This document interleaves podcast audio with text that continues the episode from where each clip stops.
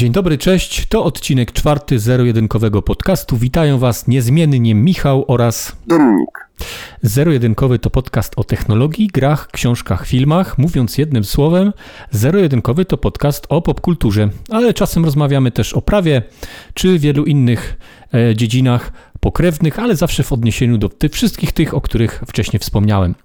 Tematem głównym dzisiejszego odcinka, tak sobie wymyśliliśmy, będzie cyberbezpieczeństwo, ale nie będziemy rozmawiać o polityce, a gdzieś czysto praktycznym aspekcie tego cyberbezpieczeństwa i o tym, co w ostatnich dniach się w tej kwestii wydarzyło.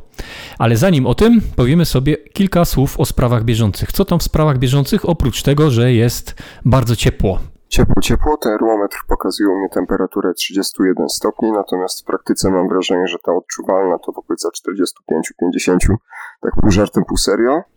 Dlatego bez zbędnego przedłużania przejdźmy do zagadnień bieżących. Numer jeden na naszej liście to Microsoft i bynajmniej nie mamy na myśli sprawy rozwodowej Billa Gatesa, o której pewnie jeszcze będzie całkiem głośno, ale o tym, co pojawiło się zupełnie niespodziewanie, czyli nowy Windows a miało być chyba już tak, że dziesiątka będzie ostatnim systemem od Microsoftu. No tak, prawda? w 2015 roku, jak, jak wychodził Windows 10, Microsoft upierał się przy tym i ja oczywiście znowu wyszła naiwność moja małego dziecka, że uwierzyłem im w to, że Windows 10 po prostu będzie ostatnim systemem w, w historii i będzie dostawał tylko poprawki, gdzieś tam jakieś, jakieś udogodnienia, update'y i tego typu rzeczy, a się okazało, że e, Windows zabił E, jeden projekt, tak, który miał konkurować z Chromium OS, takiego lżejszego, e, lżejszego Windowsa, taki lżejszy system operacyjny, a zrobił z tego Windowsa 11, o którym prawdopodobnie usłyszymy, 20, oficjalnie usłyszymy, bo, bo Windows 11 już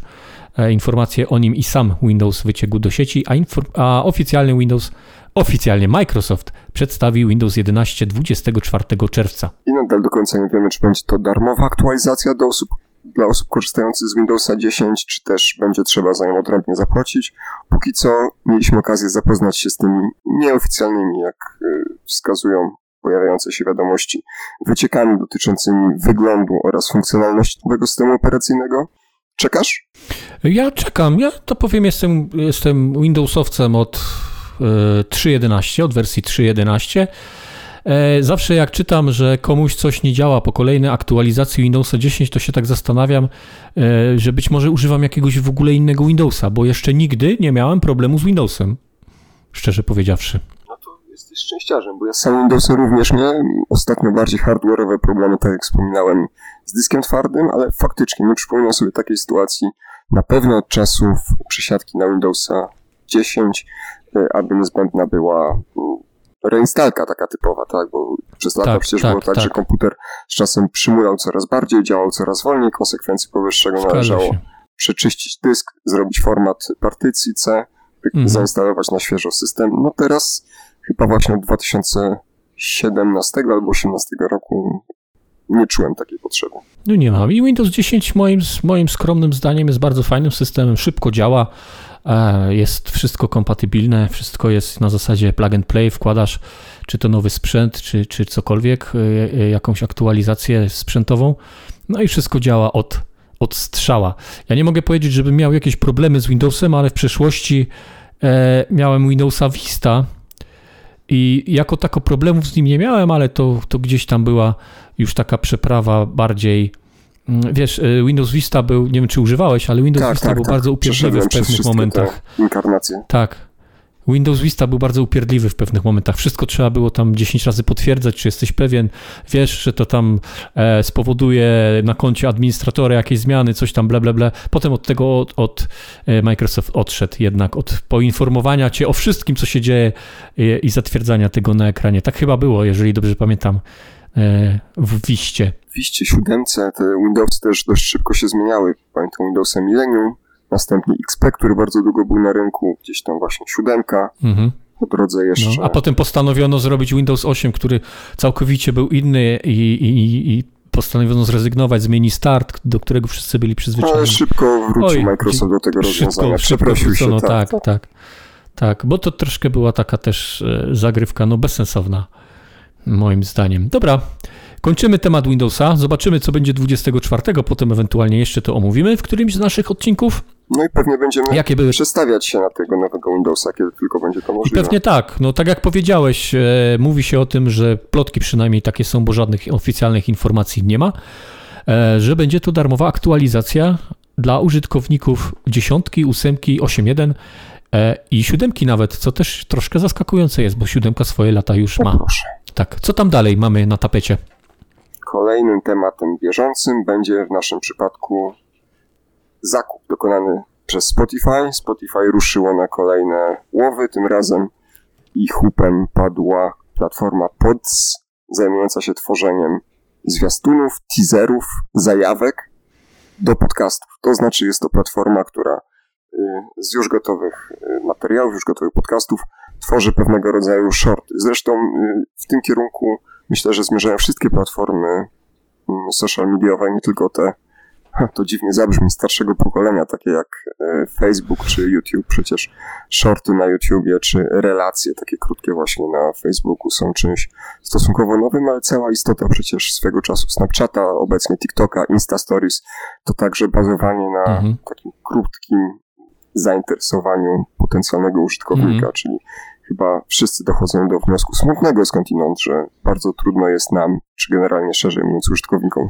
a pewnie młodszym jeszcze bardziej, to się boomer we mnie odezwał, y, skupić Mhm. się na jednym. Zatrzymać tego. Tak, tak, Mhm. tak, zatrzymać tego użytkownika jakoś dłużej, więc trzeba mu y, sprzedać w cudzysłowie oczywiście ten, y, ten content, mówiąc brzydko, ten,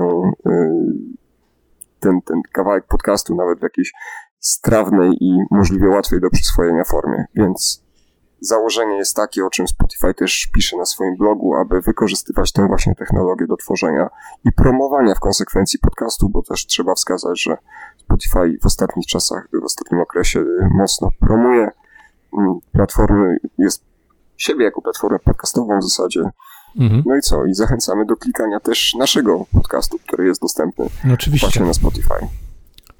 Jesteśmy na Spotify'u, jesteśmy na e, Google Podcast, jesteśmy na An- Anchorze. Anchor chyba też należy do Spotify'a, z tego co e, też chyba w pewnym momencie został kupiony przez Spotify'a, z tego co kojarzę.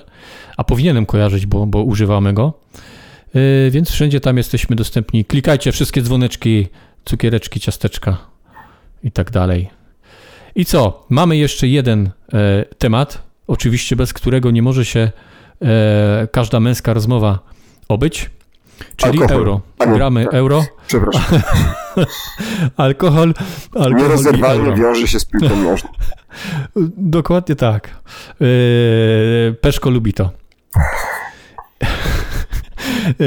E, Powiemy sobie dwa, dwa słowa o euro. Jak, ty, jak tam oglądasz mecze? W ogóle śledzisz? Jesteś y, piłkarsko jakoś tam nastawiony? Oglądam, ja niestety podobnie jak ty należę do tego pokolenia, które wielkie turnieje mistrzowskie polskiej reprezentacji to jest tak naprawdę pasmo nieszczęść, może z wyłączeniem 2016 roku i Mistrzostw Europy, cieszymy się i wspominamy pewnie Nic przez, kolej, się nie stało. przez kolejne lata wspominać będziemy ćwierćfinał, ale począwszy od 2002 Korei, Japonii przez 2006, 8, 12, 18, no i wszystko wskazywało na to, że 20 czy 21, mając na względzie to, że Euro 2020 odbywa się w 2021 roku, wpisywalibyśmy do tej samej grupy, ale nadzieja umiera ostatnia.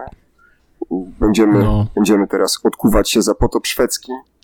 Tylko zwycięstwo, panowie, tylko zwycięstwo. No i co? No, tr- Zobaczymy. Te- te- ten, ten, ten, wszyscy przyjęli ten remis z Hiszpanią jako, jako ogromny sukces i ogromne zwycięstwo, a ja tak patrząc na tabelę, cały czas jesteśmy na ostatnim miejscu e, i piekielnie ciężko, bo już z trzeciego miejsca nie wyjdziemy. Z trzeciego, tak, to jest pewne. Musimy, mówiąc krótko, nie ma co To kalkulować, trzeba mecz ze Szwedami wygrać. Ale pamiętam, że wygrać, y, z Czechami tak, mieliśmy i- wygrać w 2012, też była podobna sytuacja, żeby awansować. Już nie wspominam o paru innych przypadkach. No, Zobaczymy. Mhm. E, No Niestety- musimy wygrać i muszą tam jeszcze e, inne mecze się ułożyć tak, żebyśmy chyba wyszli, nie? Chyba nie, w przypadku, no, Nie? nawet jestem pewien, tak, w przypadku naszej wygranej, niezależnie od wyniku meczu y, Słowa, Słowacji z Hiszpanią, to wychodzimy z drugiego miejsca. Okej. A powiedz mi, jak już jesteśmy przy piłce nożnej, bo yy, nierozerwalnie to też wiąże się i z jakby tematyką naszego podcastu, yy, gry piłkarskie. No dzisiaj to jest oczywiście PES i FIFA. E, my chyba już kiedyś rozmawialiśmy, nie? Czy jesteś e, Team PES? Tak, czy, chwilę czy rozmawialiśmy FIFA? na ten temat przy okazji zerowego, zdaje się, odcinka. Pewnie tak było. Bliżej jest jednak tego, tego nurtu Konami japońskiej wizji piłki nożnej. Mm. Ale to, co mnie najbardziej boli, to jest liczba tak naprawdę pozycji na rynku gier komputerowych czy gier konsolowych związane z piłką nożną.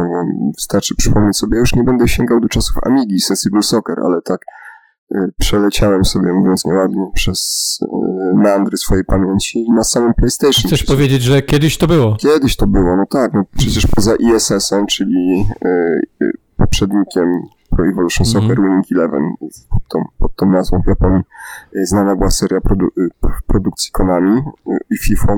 Dostępna była masa innych serii choćby tutaj wystarczy wspomnieć o Libero Grande, Viva Football, This is Football. Y, pamiętam mm. też, że poszczególni piłkarze mieli swoje, y, swoje gry. Ronaldo, V Football była taka gra, David Beckham miał tak, swoją, Michael tak. Owen, Adidas wydawał... Manchester United, całe, tak, całe kluby też miały. Manchester United kluby, Football. Tak. Dokładnie tak. Aktua Soccer, tu można wymieniać długo. Na rynku tak naprawdę mhm. zostały dwie pozycje, to znaczy y, właśnie FIFA i PES. No i co? No i troszkę chyba zjadają własny ogon. Czekam na nową odsłonę, oczywiście PESA. Gra ma zostać y, przeportowana, czy, czy właściwie napisana od nowa na nowym silniku. Co z tego wyjdzie? Zobaczymy. Z drugiej strony mamy produkcję od y, Electronic Arts, która nastawiona już jest stricte na trzepanie kasy na trybie Ultimate Team, który ja też, żebyśmy mieli tutaj mm, klarowną sytuację. Ja przez lata grałem zarówno w PESA, jak i jak i FIFA do pewnego momentu, do pewnego momentu do przesiadki na generację PlayStation 3, Xbox 360, jednak głównie w PESA, później przestawiłem się na parę lat na FIFA, później wróciłem do PESA, teraz regularnie, znaczy regularnie to duże słowo, no regularnie, ale, ale, ale niewiele grywam właśnie w Pro Evolution Soccer 2021 Season Update, bo to nie jest nowa gra, to jest tylko aktualizacja mm -hmm. składów. W tym zakresie przynajmniej Konami zachowało się, myślę, fair, bo też sprzedawało tę odsłonę serii taniej, aniżeli poprzednie, poprzednie części, wskazując, że to jest tylko naprawdę łatka w zakresie składów, nic nowego się nie pojawiło. Problem polega jednak na tym, że ja od pewnie z mała 15 lat gram tylko w tryby online, w konsekwencji czego w Pro Evo okazuje się po czasie, że, że tak naprawdę niewiele jest do roboty, a dużo do roboty mogłoby być w trybie właśnie Ultimate Team, który przecież pojawił się już też z mała, prawie 15 lat temu, bo w marcu 2007, tak się zatrzymałem na chwilę, bo to nie była nawet, nie była nawet FIFA, mm, mhm. tylko taka poboczna odnoga serii, y, wydana z okazji kolejnych rozgrywek Ligi Mistrzów w sezonie 2006-2007. Tam jako odrębny tryb pojawiło się właśnie, pojawił się po raz pierwszy FUT, później wrócił bodaj w FIFA 2009, także jako odrębny odrębny mm, dodatek osobno płatny w, na PlayStation 3 i Xboxa 360 i to było naprawdę super, to zbieranie kart, z czasem pojawiła się masa opcji na udoskonalenie swoich spów. Natomiast teraz to jest tak mhm. kokaina i próg wejścia w, w tę grę, jeżeli nie chcemy z drugiej strony inwestować niesamowitej liczby y, godzin, wymaga albo, albo nakładów gotówki, albo wrzucenia na spory luz, bo, bo dostawanie y, po uszach cały czas tylko dlatego, że ktoś ma w swoim składzie kolejne y, karty ikon, czyli tych klasycznych piłkarzy, począwszy od Pele przez y, y, Ronaldo, ale tego Nazario de Lima, nie Cristiano Ronaldo, przez najbardziej mhm. dopakowane mm -hmm. karty z, z, bohaterami, bohaterami, no bohaterami, ale najlepszymi piłkarzami w historii. Mm -hmm. Tak, to, to staje się mm. mocno, mocno problematyczne, dlatego ja w pewnym momencie y, FIFA odpuściłem, gdzieś tam czasem dubię, dubię jeszcze w Pro Evo, ale liczę na to, że coś się zadzieje w tej, w tej branży. No dobrze, ale jakie są twoje ulubione pozycje piłkarskie z przeszłości. Ja do swoich jeszcze wrócę, ale jestem ciekaw. Z przeszłości to, to, z przeszłości to może być tylko jeden tytuł i zawsze w, w, do dzisiaj nawet jestem w stanie e, wyjąć gdzieś tam emulator na, na laptopie, podłączyć, podłączyć joystick i jednak Sensible Soccer odpalić, bo to jest gra, która się po pierwsze nie zestarzała, E, po drugie, e, ja zatrzymałem się piłkarsko na, na tych nazwiskach, które gdzieś tam w, w Sensible Soccer 9.5 tudzież 9.7 e, są. Jak Darek Szpakowski. Tak jak Darek Szpakowski, tak, tak. Ja tak się troszkę śmieję, jak, jak Dania grała i mówię sobie, o kurczę, jeszcze nie jestem taki stary, bo Szmeichel broni, nie? A to potem się A to już jest nowe pokolenie Szmeichelów, tak? Troszkę się śmieję, bo to ja oczywiście wiedziałem, nie? I to 35-letni syn Petera Schmeichela, który jest u, u schyłku kariery. Ale jak, jest, potem... ten, jest ten moment, kiedy orientujesz się, że większość piłkarzy biegających po boisku jest młodszych od ciebie. To jest, to jest tak, zatrważające. Tak, tak, bliżej, tak. bliżej rocznikowo do trenerów, aniżeli piłkarzy. To... Tak, tak i to jest straszne, bo zawsze jak oglądałem, wiesz, za dzieciaka ten, to, to, to byli tacy bohaterowie, tak jak zresztą powiedziałeś. E, wszyscy byli starsi od ciebie, wydawało się dorosłe, e, dorosłe chłopy, a teraz tak oglądasz i wszyscy są dwa razy młodsi od ciebie. To przykre jest bardzo. Czyli, e, I tak, Sensible co? Soccer przede wszystkim, mhm. przede wszystkim w moim sercu Sensible Soccer. A tak jeszcze wracając i abstrahując, w FIFA w pewnym czasie pojawił się też wątek fabularny, nie? Że można tam grać w jakieś takie dziwne historie. Tak, to stosunkowo niedawno już była cała fabuła dotycząca postaci Huntera, to był brytyjski piłkarz, którego losy mhm. śledziliśmy przez kilka sezonów. Następnie zostało to zastąpione przez Voltę, czyli długo wyczekiwany tryb gry poza klasycznym boiskiem piłkarskim, e, nawiązujący tak naprawdę do FIFA 97, to swoją drogą, ale chyba tak jeden z najbardziej kultowych odsłon serii, czyli FIFA 98 Road to World Cup, gdzie była opcja grania na hali, właśnie. Mhm.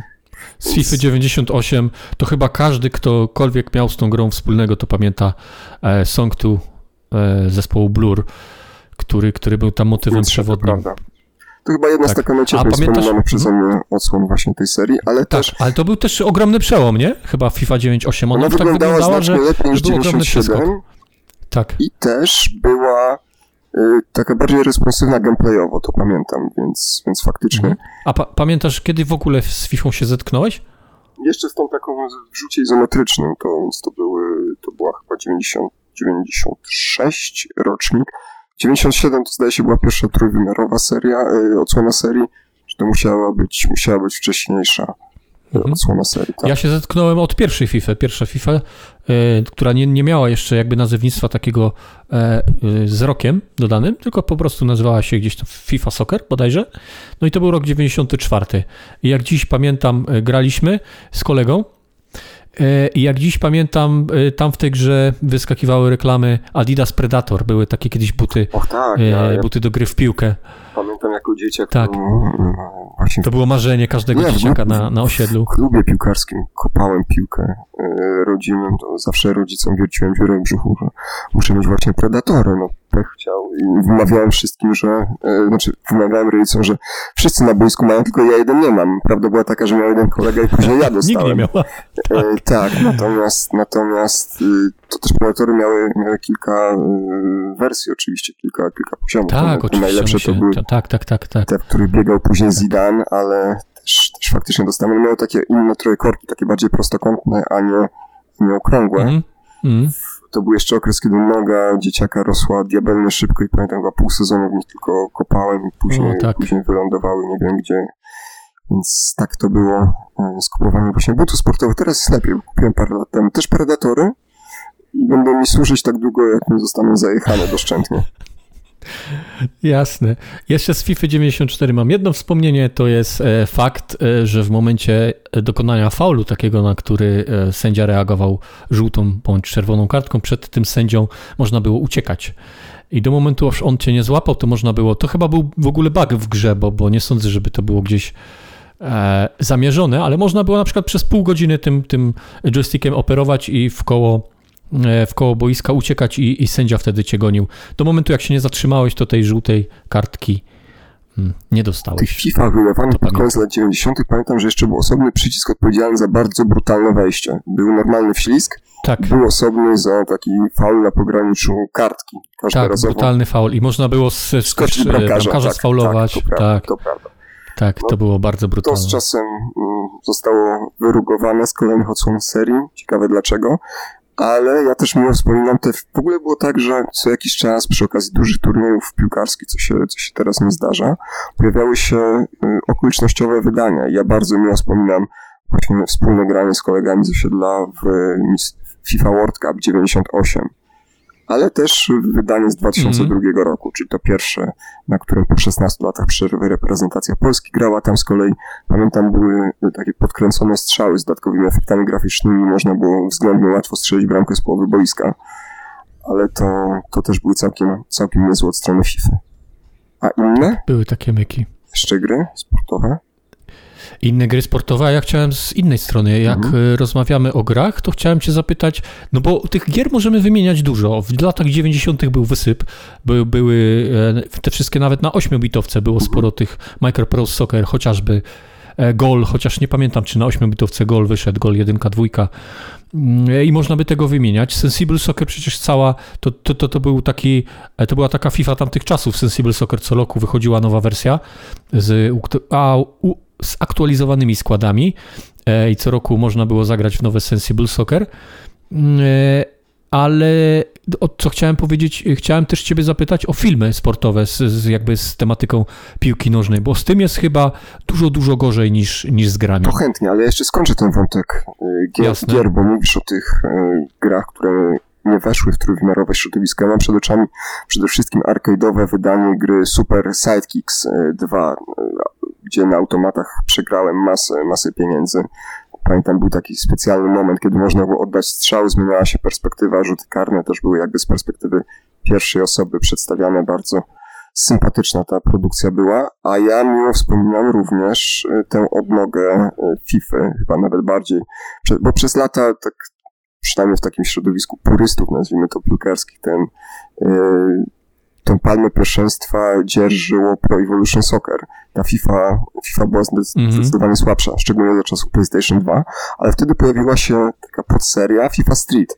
Szczególnie druga część y, to jest coś, coś, coś innego i coś, co ja wspominam naprawdę z dużym rozrzewnieniem, a może nawet bardziej niż FIFA Street, to inną produkcję studia EA Sports Big, to znaczy NBA Street. Tam także wydawano, to dzisiaj masz na sobie koszulkę y, Chicago Bulls, więc to takie idealne. Myślę, Szkoda, będzie... że Państwo tego nie widzą. Szkoda, że Państwo tego nie widzą. To będzie doskonałe nawiązanie, ale takich gier mi brakuje, czyli mocno zręcznościowych, nastawionych na czysty fan mhm. gier sportowych. Przecież... To od razu skojarzyło mi się, jak powiedziałeś o koszykówce i taki mocny fan, to pamiętam jak NBA Jam katowaliśmy tak, z kolegą. Tak, prawda, również zręcznościowa. To był potę, mhm. potężna od zabawa. Od Midwaya, czyli od producentów. I tam pojawiały się w niektórych wersjach postacie z Mortal Kombat, o którym mówiliśmy. Mhm. Grzechem byłoby nie wspomnieć także o Championship Managerze, czyli Football Managerze. O tak, o to menadżery to zupełnie inna kategoria, już tak, jasne. do tego to pewnie wrócimy. Była też, pamiętam, polska e, odpowiedź na Football, czy na Championship Managera, wówczas jeszcze pod, pod taką na, e, nazwą była wydawana ta seria. E, polska odpowiedź e, z Ligą Polską, gdzie można było kupować mecze.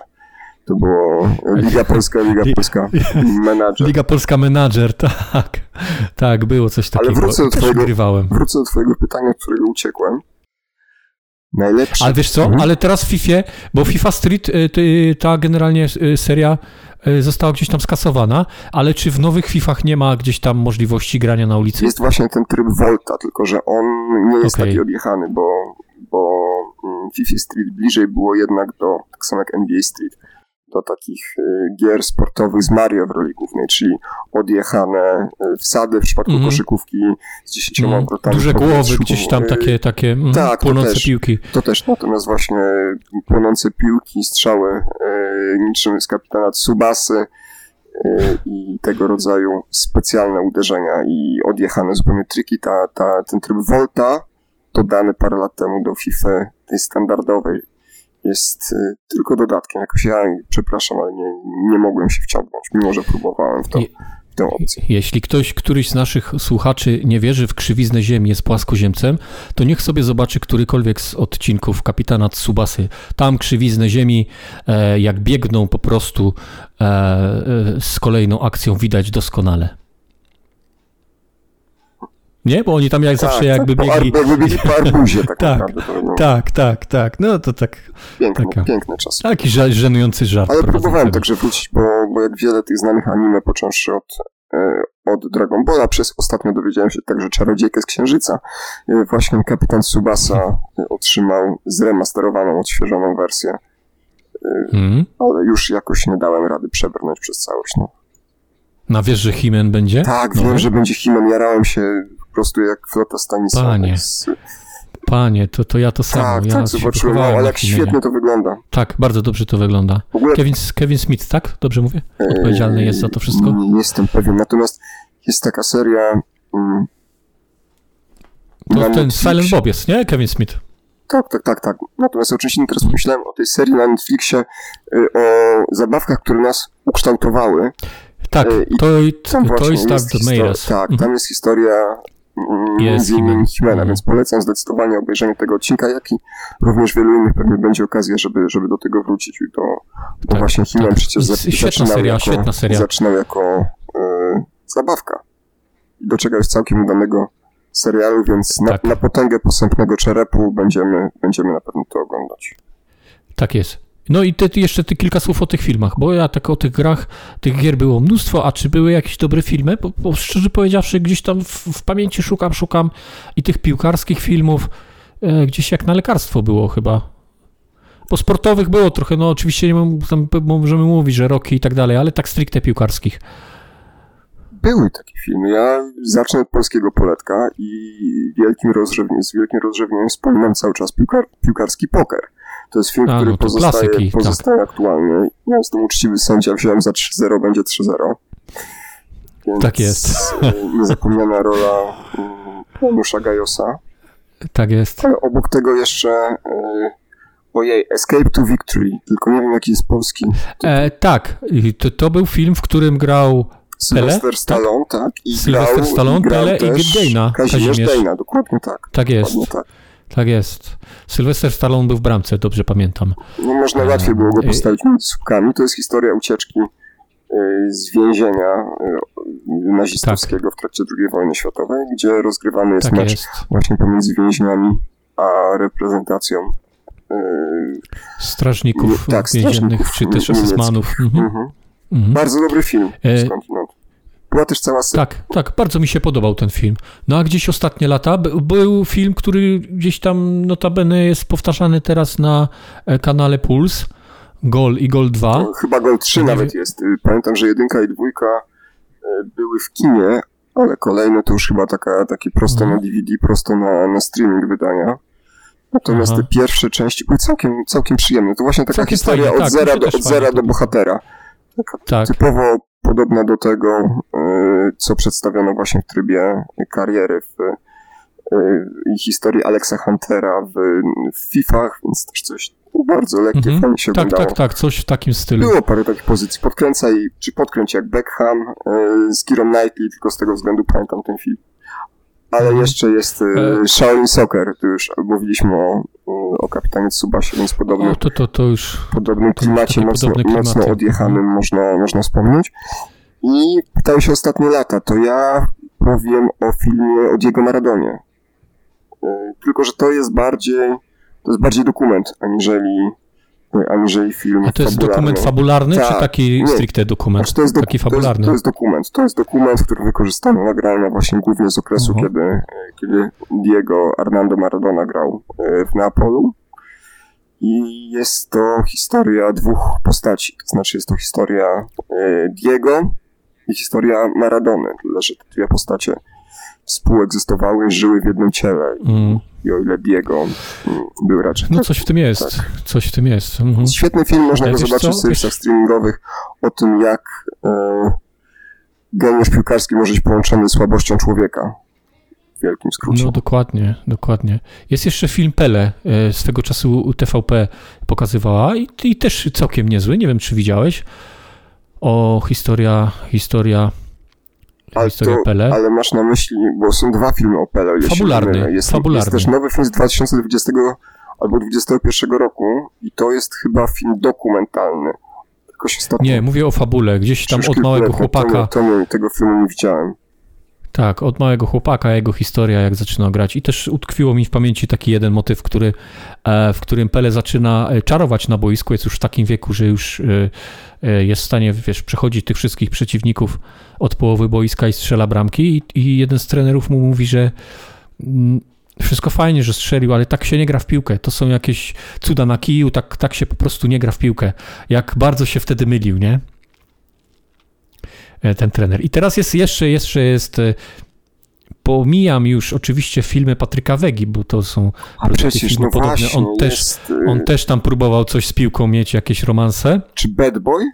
Będę, może się Tak, mylę, ale to tak, jest chyba... tak, tak. Może. Ale teraz Tak. na ekrany polskich kin po długiej przerwie trafił film Druga połowa, którego nie widziałem. Podobno, podobno Oscarowa. Oscarowa rola Grzegorza Krychowiaka. Do tego powsadził Cezary Pazura, ma, y, ma, Mateusz Musiał? Nie, nie Mateusz Musiał. Y, o Boże, jak ma na imię? Musiał, tak, tak, tak, Młody tak, musiał, aktor. Nie musiał. Mateusz, na No. pewno nie, na pewno nie, na pewno nie Mateusz. Y, I też nie Mariusz, Maciej Musiał. Tak, Ma- Maciej, Maciej, tak. Maciej Musiał, więc jego Przepraszamy rola, cię, tak, Macieju. Przepraszamy Macieju. Wiemy, że tego nie słuchasz, przepraszamy. Nie widziałem, nie mogę powiedzieć nic, tak samo jak nie widziałem też e, Netflixowego filmu o, filmu o e, Roberto Baggio, ale to tak, jest włoski tak, film tak, i to tak. mnie już odrzuciło od razu, ale też potem czytałem, nie ukrywam, em, opinie tych osób, które znają się na futbolu, które gdzieś tam żyją tym futbolem, to tak powiedziały, że no, można obejrzeć, ale rewelacji żadnej nie Dużo jest teraz takich też nie filmów. miałem presji. Y, Mam wrażenie, że każda platforma streamingowa stara się coś zaserwować. Niedawno był film o Tottenhamie i Jose Mourinho. y, Zdaje się na Mhm. Amazonie. Także trochę, trochę tego jest. Bardzo dobrym filmem Mhm. dokumentalnym, już tak kończąc, jest e, film poświęcony Manchesterowi United, temu e, tej ekipie pod wodzą Sir Alexa Fergusona, która wygrywała w 99 roku. Oj, co to e, był za zespół? Co to był za zespół? I to był chyba ten mecz z Bayernem, co? Tak, tak. Gdzie Bayern tak. wygrywał do Pamiętam, 90 wyszedłem, minuty. Wyszedłem do kuchni na chwilę, słyszę tylko, że strzelona została druga bramka i pozamiatane, Mhm. nie było już dogrywki. Po, po wszystkiemu, jak to parafrazując Marcina Dańca z, Tak jest, sketchu tak o, jest. o, o Andrzeju Gołocie. Tak jest. Nie, masz rację, dokumentów jest bardzo dużo, bo jak teraz sobie przypominam, e, jak tak lecę po Netflixie, to dokumentów jest bardzo dużo.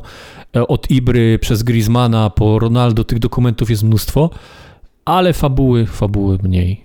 No ale Dobra. z całym szacunkiem dla Antoana Griezmana to chyba jeszcze trochę za wcześnie na, na dokument o tym zawodniku. Wiesz, to jest dokument taki, e, takiego typu, że on jest za mały, za chudy na piłkarza i, i, i robienie tych, tych kolejnych etapów. Walka ponad wszystko, ponad te jego, jego warunki fizyczne. Wiesz, to jest taka historia fajna, lubimy takie historie. No, zresztą Michael Jordan też taką troszkę historię miał, nie? On taki za mały. Czy Scottie Pippen bardziej? Chyba Scottie Pippen bardziej, bo on też do pewnego momentu w swoim życiu był e, nie za wysoki jak na koszykarza, gdzieś 1,80 m i potem nagle już na studiach Wystrzelił. wystrzelił i, i, i okazało No się, ale że Michael to nie ma miał się talent. pochwalić. 198 cm wzrostu, co to jest? No się nie nadaje do koszków. Naprawdę. Nie nadał się. Zresztą, to... E, panie. Coś pan. Dobra. Przejdziemy chyba do tematu odcinka. Czego, od czego by tu zacząć, powiedz? Chyba od tego, żeby powiedzieć... Co e, się stało? Jakby, Co to się tak? w ogóle... Tak, co to się stało się w ogóle w tym, e, e, w tym, w tym całym ambarasie, że będziemy o tym cyberatakach mówić. Co się stało? Stało się to, że e, wyciekają informacje, które rzekomo mają pochodzić ze prywatnej skrzynki mailowej ministra Michała Dworczyka. Minister Dworczyk to jest szef kancelarii prezesa Rady Ministrów. E, Wiesz, e, dlaczego ja nigdy nie mówię premiera, tylko zawsze tak używam tej prawidłowej nomenklatury? Żeby nie było wątpliwości za- co do płci. Nawet, nawet nie. y, Zawsze to będę pamiętał, bo kiedy pisałem pracę magisterską i gdzieś tam pojawiło się to słowo kancelarii premiera czy premiera, no to bardzo był niezadowolony mój promotor i zawsze to skreślał, oczywiście słusznie. E, Nie ma czegoś takiego w Polsce jak premier mówił. Jest prezes, Rady, Ministrów. Tak, Tak, jest kancelaria premiera Rady Ministrów i tak należałoby pisać, i tak proszę pisać. To tak jak ja I, ostatnio i będę wspominałem to zawsze tym, pamiętał. że jeżeli mówię o prasie czy telewizji, to nie używam określenia media, tylko zawsze tak jak mój profesor od prawa prasowego wskazywał środek, środki społecznego przekazu, więc pewnego rodzaju tak. nawyki jednak dobrze sobie też wypracowywać. Tak, tak, dobrze wiedzieć. E, I e, szef Kancelarii Prezesa Rady Ministrów, Michał Dworczyk, odpowiedzialny też, też za cały program szczepień e, w Polsce, no miał tego, tego pecha, czy, czy wynika to z jego nonszalancji, że mm, dostano się po prostu na jego skrzynkę mailową też podobno na jego profile gdzieś tam w portalach społecznościowych i profil jego żony na Facebooku. I wszystko to, co tam się znajdowało, tak przyna taka przynajmniej jest e, retoryka tych e, atakujących, e, oni to teraz publikują. My tak do końca nie wiemy, czy to, co publikują, to faktycznie pochodzi z tejże skrzynki i nie wiemy też, czy to, co na tej skrzynce się znajdowało i to, co publikują, to są te same materiały, bo te materiały mogą być równie dobrze spreparowane. Mnie cieszy, że to będzie odcinek, w którym ja będę zadawał głównie pytania, więc zacznę. Czy, wiem, Oj, czy wiemy, no. kim są oni? Ci, którzy publikują? I tak i nie. I tak i nie, bo e, to, co publikują, publikują to na Telegramie. Jeżeli ktoś nie wie, co to jest Telegram, to to jest taki komunikator e, szyfrowany. Jeden tutaj wielki daje cudzysłów, jeden z bezpieczniejszych komunikatorów, chociaż y, specjaliści od cyberbezpieczeństwa są podzieleni, bardziej wskazują, że tym takim najbezpieczniejszym z naszego punktu widzenia, czyli z punktu widzenia zwykłego użytkownika, takim komunikatorem jest Signal. Telegram gdzieś tam zajmuje któreś miejsce, ale nie jest takim najbardziej bezpiecznym, można tak e, chyba w, e, bardzo oględnie powiedzieć. I oni to nam publikują. Publikują to po polsku, niekiedy popełniając jakieś lapsusy językowe, co z kolei e, e, sugerowałoby nam, że publikują to osoby niepolskojęzyczne, e, a co znowu daje nam do myślenia, jeżeli nie wiemy. Mm, kto nas zaatakował, no to prawdopodobnie robią to Rosjanie, nie? Bo taka zawsze jest retoryka. Taka jest też retoryka naszego rządu i na posiedzeniu tajnym, e, takie to było posiedzenie tajne, że już te informacje wyciekły.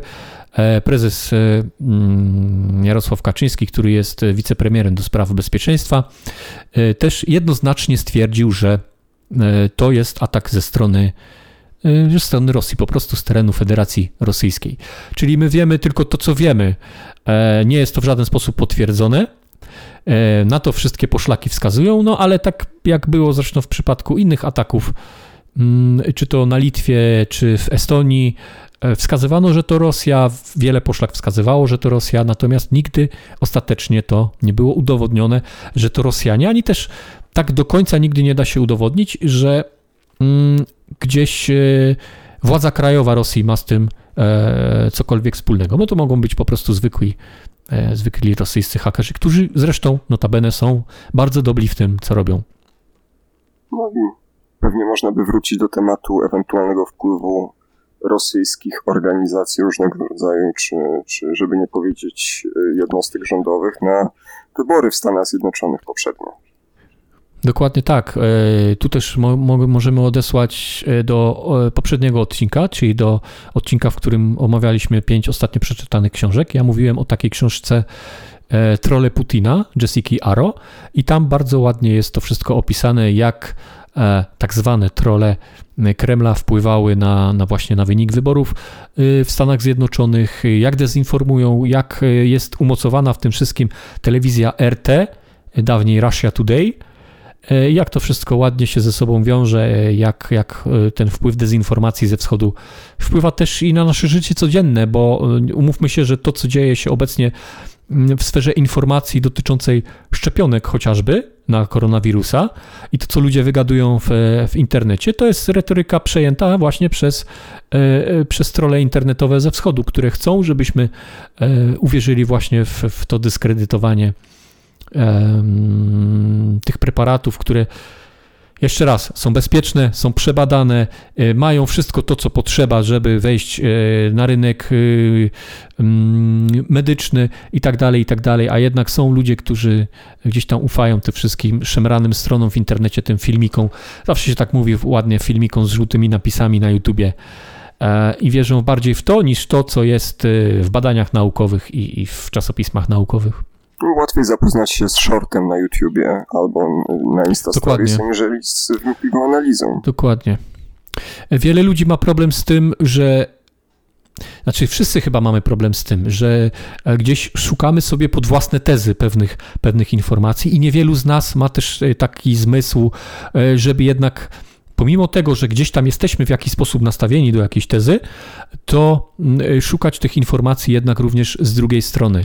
E, I możemy sobie znaleźć wiele informacji, które mówią, że szczepionki zabijają, ale później weryfikacja tych informacji doprowadza nas do tego, że jest to jednak mimo wszystko kompletna bzdura i należy czytać badania naukowe, które mówią zupełnie coś innego. że nie wyjdziemy z pandemii, jeżeli nie będziemy się szczepić. Szczepcie się, bo to naprawdę jest bezpieczne i skuteczne. Czyli jak w starym radzieckim dowcipie, tak o tym, że, roz, że na placu czerwonym w Moskwie rozdają rowery. Rozdają samochody. Że rozdają samochody. Tak, tak. Nie rozdają, tylko kradną, nie samochody, rowery i tak dalej, i tak dalej, nie? Mhm. No. E, I co jeszcze? Idziemy dalej. Solidaryzuje mhm. się też z nami Komisja Europejska. Komisja tak. Y, y, no jesteśmy w pewnych jakby, jesteśmy zobowiązani pewnymi normami międzynarodowymi, jesteśmy w pewnych strukturach i europejskich, w Unii Europejskiej i jesteśmy też y, w Sojuszu Północnoatlantyckim. O tych wszystkich incydentach, no bo jednak to są incydenty na, e, gdzieś na poziomie rządowym. Została poinformowana Komisja Europejska, ale zostało też poinformowane NATO.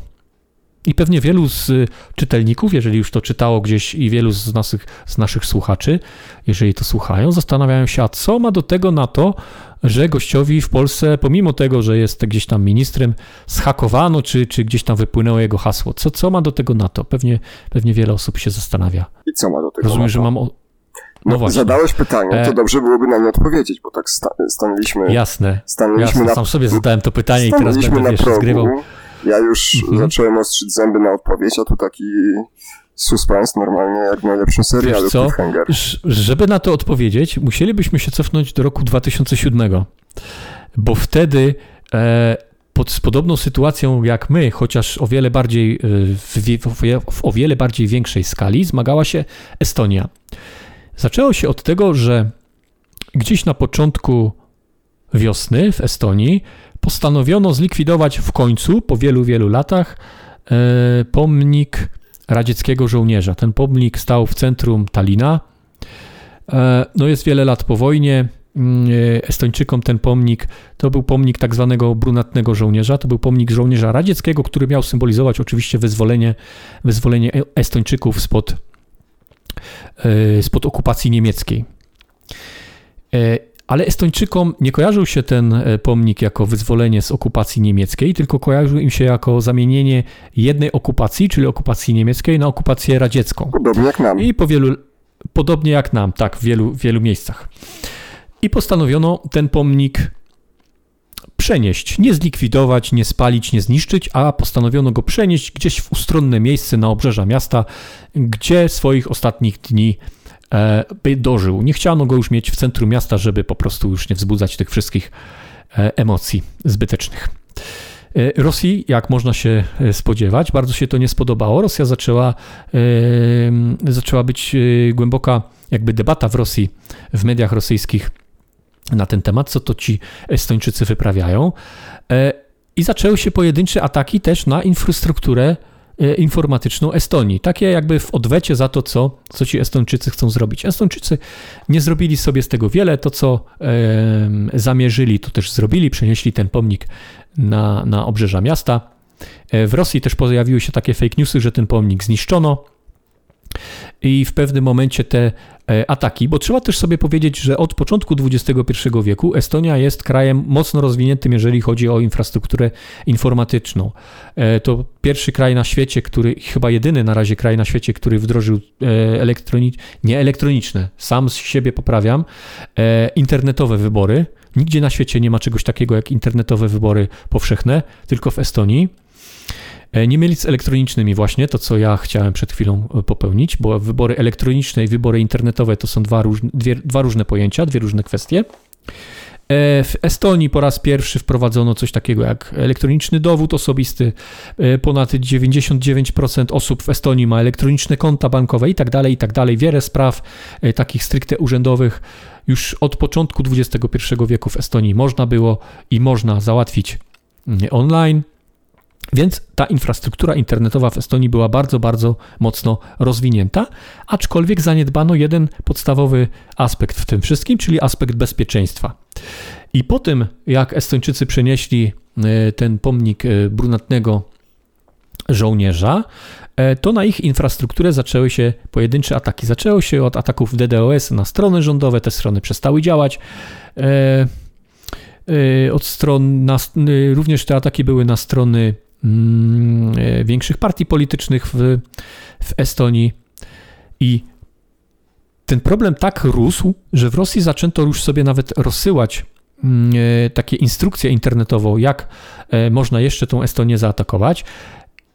I wydarzyło się coś takiego, że w pewnym momencie, najprawdopodobniej, bo tego też e, do końca nigdy nie udowodniono, że w pewnym momencie do tego wszystkiego wszedł po prostu Kreml, który ma na usługach różne grupy APT, chyba się to nazywa, Advanced, Advanced coś tam, Threat, Advanced Performance Threat, chyba, przepraszam, jeżeli się, się teraz pomyliłem, to są po prostu grupy, e, które są niezależne od rządu, ale są na usługach rządu, że wtedy, jeżeli się dokonuje jakiegoś ataku, de facto dokonuje się tego ataku jako rząd, ale można zawsze powiedzieć, że przecież to nie rząd zaatakował, e, to taka grupa, która nie ma z nami niczego wspólnego. I to tak właśnie odbywało się, odbywało się wtedy. E, z mojej perspektywy i z, tego, z perspektywy tego, co już przeczytałem na ten temat w swoim życiu, a pisałem też jedną pracę e, na studiach na ten temat, to Kreml w tamtym czasie, czyli w 2007 roku, testował po prostu na przykładzie Estonii e, swój poziom siły jakby w tej kwestii. Wyobraźcie sobie, drodzy słuchacze, i wyobraźcie sobie, Dominiku, że Estonia była do tego stopnia zaatakowana elektronicznie, że w pewnym momencie nie działały lotniska, nie, nie, działały banki, nie można było przesyłać pieniędzy, zablokowane były strony internetowe rządu, zablokowane były te wszystkie, mm, te wszystkie e, usługi, które można elektronicznie, można było elektronicznie w Estonii wykonywać. Mało tego, przez jakiś czas Zablokowany był nawet y, numer alarmowy 112 w Estonii, czyli przez jakiś czas nie można było nawet wezwać pomocy. Y, prezydent ówczesny Estonii, nie jestem w stanie sobie teraz przypomnieć, jak ten pan się nazywał, ale powiedział wprost, że Estonia jest w stanie wojny. Wtedy też ukuto taki, um, taki termin jak cyberwojna. I do dzisiaj mówi się, i to mówi się już nie tylko jakby e, kolokwialnie, ale w fachowej literaturze jest to również wymienione, że pierwszą cyberwojną w historii e, była cyberwojna właśnie Estonii, e, cyberwojna, która odbyła się na terenie Estonii. I tutaj jest też taki mały, mm, mała ciekawostka. Jedyną infrastrukturą, która nie była wtedy w Estonii zaatakowana, to były struktury militarne. E, może wiesz dlaczego? No chętnie się dowiem, ale pamiętam, że właśnie prezydent Estonii wówczas mówił o tym, że co takim stało się truizmem już, mhm. już po latach, że w obecnych czasach nie potrzeba pocisków, aby zniszczyć infrastrukturę i można to zrobić Dokładnie. właśnie online. Zdalnie. Tak, mhm, tak, tak. Tak, to też było takie znamienite zdanie, które, które prezydent Estonii wypowiedział, że dziś nie trzeba nam pocisków, wystarczy e, człowiek za komputerem i można sparaliżować cały kraj. E, a nie a zaatakowano... Mhm. Mhm. Jedyną infrastrukturą, którą wtedy nie zaatakowano, były struktury militarne Estonii. I moim zdaniem, bo tego też chyba, może się mylę, bo też nie czytałem jakby wszystkich książek świata, ale nigdzie nie znalazłem takiej, ale gdzieś w toku mojego rozumowania e, nie zdarzyło się to dlatego, że już wtedy Estonia była członkiem NATO. I bano się po prostu odwetu. Znaczy odwetu. Bano Akcji, się od. Bano się. Może tak. Jakiego, jakiekolwiek. Tak. Tak. Mając tak, na względzie, tak że atak na jedno państwo członkowskie NATO jest e, Dokładnie, wiąże się to z artykułem 5. Dokładnie tak. No. Ale mimo tego, że e, e, mimo tego, że mm, żadne struktury wojskowe wtedy nie zostały zaatakowane, to podobnie jak teraz zrobili, zrobił nasz rząd, informując NATO o tym, co się wydarzyło, tak i wtedy zrobiła to Estonia. Estonia poinformowała NATO, z jakim problemem się boryka, i NATO powiedziało, że oczywiście przyjmujemy to do wiadomości, ale weźmy sobie pod uwagę to, że mamy 2007 rok. Widzicie, rozumicie, niewiele jesteśmy w stanie z tym zrobić. Artykuł 5 to tak de facto mówi o tym, że to musi być napaść zbrojna i tak dalej. Nie możemy wojna tutaj. konwencjonalna. Tak, wojna Wróg konwencjonalna. Bram, tak? No, no, dajcie spokój, co my możemy tutaj zrobić, nie? E, I wtedy zaczęto się też zastanawiać właśnie w strukturach NATO, no bo widziano, że problem jest jednak poważny, że można tą infrastrukturę e, kraju zdestabilizować dość, dość mocno i wtedy zaczęto się też zastanawiać, co z tym zrobić. E, I zastanawiano się, e, znaczy i długo i niedługo, bo wkrótce po tym w Talinie właśnie, co też było takim przytyczkiem w stronę Rosji powstało Centrum Cyberbezpieczeństwa NATO, pod egidą NATO w zasadzie, bo to nie była oficjalna jednostka NATO. Ale kilka lat później, oczywiście debatowano długo nad tym, w końcu dosz, do jakby um, urzędnicy i i ta część militarna NATO doszli do wniosku, że tak, można traktować cyberatak e, tak samo na równi z atakiem zbrojnym i cyberprzestrzeń jako nowo, nowa, e, nowy teatr wojny. Bardzo by to określenie. Lądu, mhm, obok lądu, powietrza, kosmosu e, i wody. W 2016 roku został uznany za pełnoprawny właśnie teatr działań militarnych w Warszawie na szczycie NATO w Warszawie. I tak w zasadzie e, Estonia stała się prekursorem takim tych rozwiązań stricte państwowych w cyberprzestrzeni, takich, które mogą godzić już w bezpieczeństwo narodowe. Ale wiesz, y, jedno jest to, co tam y, y, w NATO powiedziano, zrobiono i jakie procedury wypracowano, ale ja mam takie wrażenie, że do dzisiaj, nawet obserwując to, co dzieje się w moim otoczeniu, że te cyberataki i to, co mm, grozi nawet zwykłemu użytkownikowi gdzieś tam z cyberprzestrzeni i z internetu, jest cały czas jakoś tak bagatelizowane. Mam, mam takie wrażenie. Właśnie chciałem zapytać, w tym konkretnym przypadku, już przechodząc na grunt Polski, ataku na nasze, czy to organizacje e, rządowe, czy to mhm. poszczególnych y, ministrów skrzynki pocztowe, czy wiemy, co tak naprawdę nie zadziałało? Czy problem polegał na zbyt łatwym haśle, przykładowo użytym, to już mówię zupełnie e, jak, jak laik, tak? Ktoś pisał słowo password jako, jako hasło i było to bardzo łatwe. Mhm. I e, trafił. Trafił mhm. do, do rozgryzienia. Czy wymagało to bardziej złożonych e, działań, czy, czy dostęp tego rodzaju skrzynek mhm. jest w jakikolwiek sposób autoryzowany. Przecież wszędzie mamy obecnie te dwustopniowe autoryzacje. Ja już nie mówię o przekazywaniu informacji no. objętych e, klauzulami e, dotyczącymi zachowania tajemnicy, czy to, mhm. czy to mhm. tajne, ściśle tajne i tak dalej. E, no to mhm. powstaje w tym momencie pytanie, skoro biedni, skoro oni nie są w stanie się bronić, to co my biedni, malutcy możemy faktycznie zrobić. Oczywiście ryzyko związane z tym, że ktoś uzyska dostęp do moich danych jest y, znaczy, ryzyko może jest duże, natomiast potencjalne konsekwencje są nieporównywalnie mniej znaczące dla obronności kraju, aniżeli dostęp do skrzynki pocztowej poszczególnych ministrów. Być może, no, dla... być może wicepremier y, do spraw bezpieczeństwa właśnie posiada skrzynki pocztowej, może lepiej nawet, ale zakładając, że, że korzystałby już mówiąc zupełnie serio y, z maili, no to chyba też przekazywane są tam informacje istotne dla funkcjonowania całego systemu mhm. obronności państwa.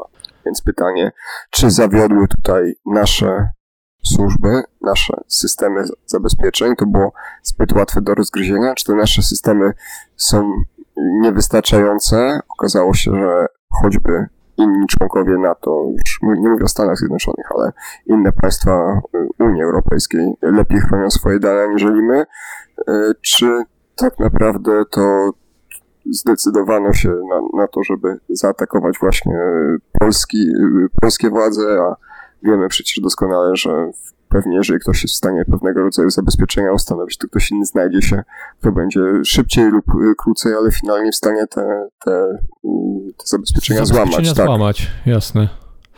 Wiesz co, powinniśmy zacząć od tego, e, że do wymiany tej korespondencji, a przynajmniej wszystko na to wskazuje, bo tak wskazują na to publikowane cały czas e, materiały na Telegramie, mm, że cały obieg informacji w rządzie odbywa się ze skrzynek prywatnych. Są to skrzynki na wirtualnej Polsce, są to skrzynki na Gmailu. E, no i chyba, chyba nie widziałem więcej żadnych takich usługodawców. Więc ja mogę tylko... Pierwszym problemem jest to, że były używane skrzynki prywatne. Znaczy, dla mnie to jest kuriozum, naprawdę. To, to jest coś totalnie abstrakcyjnego, jeżeli do przekazywania tego rodzaju informacji. Zakładam, że bardziej poważnych aniżeli informacje o tym, jakie jest menu e, w kantynie e, mhm. sejmowej tego dnia, używa się prywatnych skrzynek pocztowych. No i tutaj dochodzimy do pewnego mm, do pewnego kuriozum, bo to, co mówisz, to jest oczywiście prawda. Na każdym szkoleniu, nawet y, podstawowym, z cyberbezpieczeństwa, czy tam z cyberhigieny, jak zwał, tak zwał, mówi się o tym, że w y, korespondencji służbowej nie używamy prywatnych skrzynek. Nawet człowiek, który jest zatrudniony do urzędu gminy w jakiejś najmniejszej gminie świata, e, w pierwszym dniu swojego szkolenia ma BHP i wie o tym, że nie może pić herbaty przy e, komputerze i nie może krawata wkładać do drukarki, bo to są podstawowe zasady BHP pracy w biurze. A jeszcze gorzej do tak, i mówi się mu o tym też, żeby nie używał prywatnej poczty do służbowych rzeczy. E, o tym mówi także nie wiem, czy teraz się nie wygłupię, ale wyrok Sądu Najwyższego, czy też jakieś tam postanowienie Sądu Najwyższego, które e, stwierdziło, że Sąd Najwyższy stwierdził, że przetrzymywanie e, na prywatnej skrzynce mailowej e, służbowych dokumentów jest równoznaczne z wynoszeniem tych dokumentów na zewnątrz.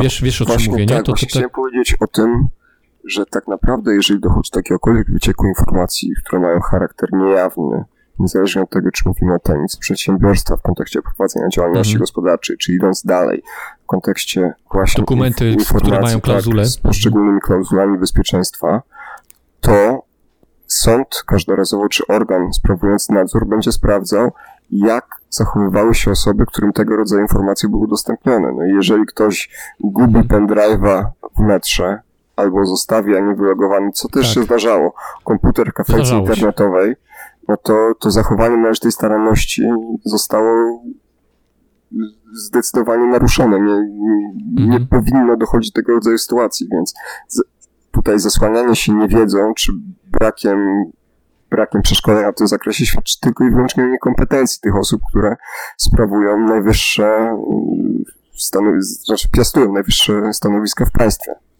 Stąd właśnie moje pytanie, czy to jest kwestia tego, że to my w Polsce mamy niewystarczające systemy zabezpieczeń, czy to jest specyfika wszystkich krajów Unii Europejskiej, a po prostu, po prostu zdecydowano, że Polska będzie dobrym celem?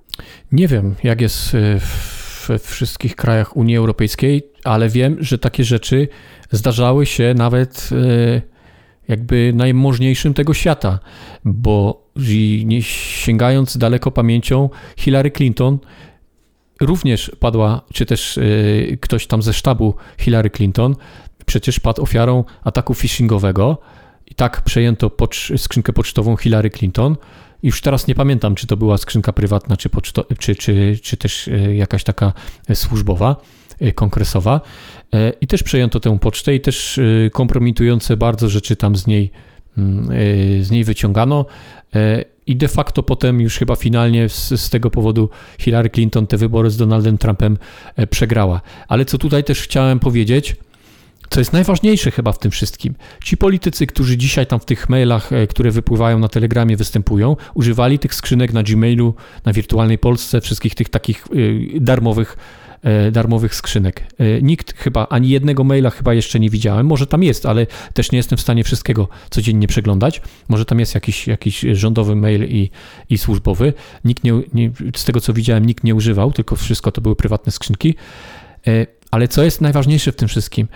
Że niech pierwszy rzuci kamieniem ten, który nigdy niczego nie przesłał na swoją prywatną skrzynkę albo ze swojej prywatnej skrzynki, a były to a były to rzeczy służbowe. No dobrze, Widzimy tylko, to codziennie. Większość z nas codziennie. nie ma dostępu do tego rodzaju informacji. Ja już pomijam przesyłanie w taki sposób, jaki mówisz, ale mhm. dostęp przez osoby niepowołane, tak, czy narażone na cyberatak, ale też trzeba pamiętać o tym, że korzystając z prywatnych, znaczy prywatnych, no prywatnych oczywiście, ale, ale darmowych domen, skrzynek pocztowych darmowych domenach, mhm.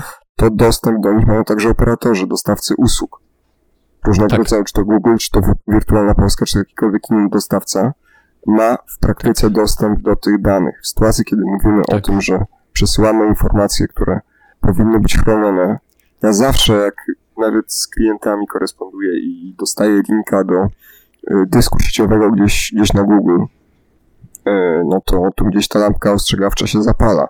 Jasne, tak jak mówisz, to się, to się zdarza, aczkolwiek raz jeszcze podkreślę, my mimo wszystko nie mamy dostępu do informacji, które mogą destabilizować funkcjonowanie kraju.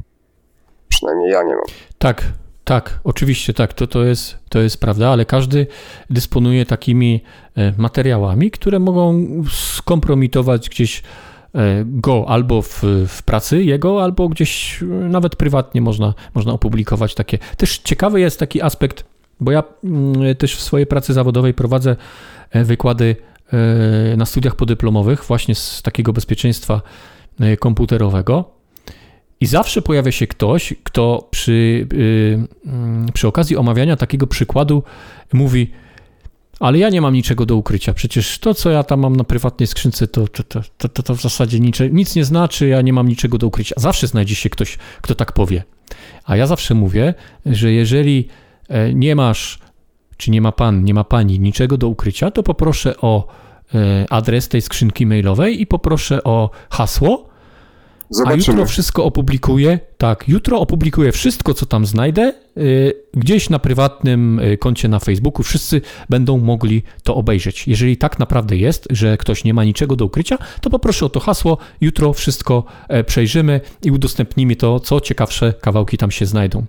Jest, oczywiście, chyba wiesz, że nigdy jeszcze nikt y, taki się nie zgłosił. Domyślam się, tylko hasłem. raz jeszcze ja rozdzielam, kilka lat temu mieliśmy sytuację, w której najbardziej znane, przynajmniej najbardziej znane gwiazdy amerykańskiej sceny show biznesowej, aktorki, aktorzy, muzycy y, padli ofiarą właśnie ataków hakerskich na ich y, konta w iCloudzie, czyli w chmurze Apple, skąd wypłynęła masa tak. prywatnych zdjęć, także zdjęć w takim mocnym zabarwieniu y, erotycznym.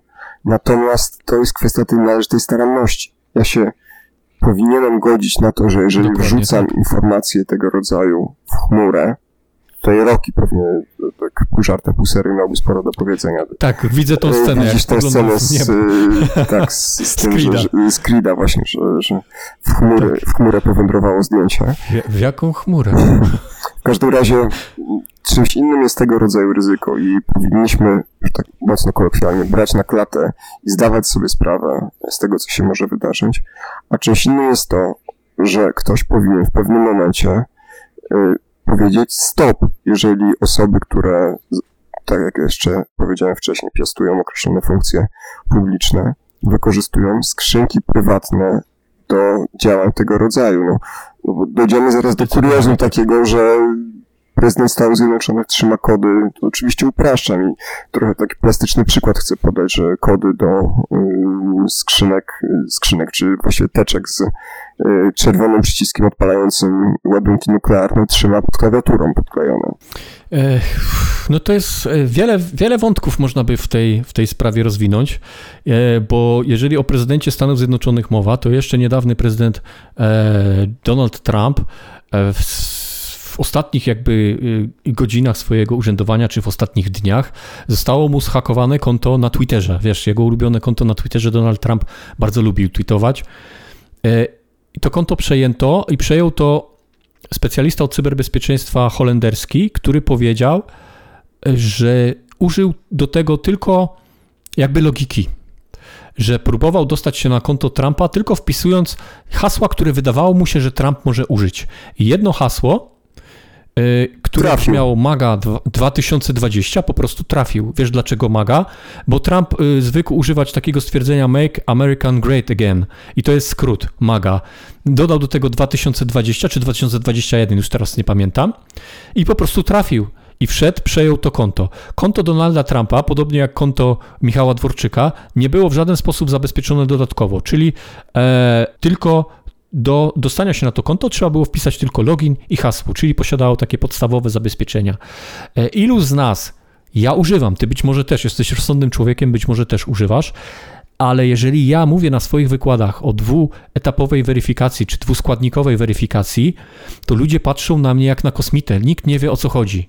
Jak już zaczynam mówić o kluczu U2F, to już patrzą na mnie jak na kompletnego kosmitę. Głowy parują. To już głowy parują.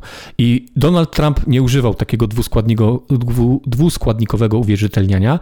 I problemem e, Michała Dworczyka w tym ataku, pomijając fakt, że używał prywatnej skrzynki, pomijając fakt, że była to skrzynka na WP i pomijając fakt, że adres tej skrzynki e, w co najmniej dwóch wyciekach danych się znajdował, bo to sprawdzili eksperci z niebezpiecznika. Ja to też potem sprawdziłem, bo są odpowiednie strony do, do sprawdzania tego. Można sprawdzić, czy twój adres e-mail brał udział w jakimkolwiek wycieku już w historii, czy też można wpisać nawet hasło e, swoje używane gdzieś tam do, do, jakichś, do jakichś rzeczy w internecie i sprawdzić, czy to hasło gdzieś tam w jakichś bazach danych, które wyciekły, już figuruje. I okazało się, że ten e-mail e, ministra Dworczyka już przynajmniej dwóch wyciekach danych e, figurował, czyli już pierwszym tropem jakby można domniemywać, że być może e, hasło do tego maila po prostu wyciekło w jakichś, w jakichś zbiorach danych i ktoś dopasował po prostu adres e-mail do konkretnego człowieka, spróbował, hasło pasowało i po prostu dostał się bez żadnych ceregieli na, na to konto.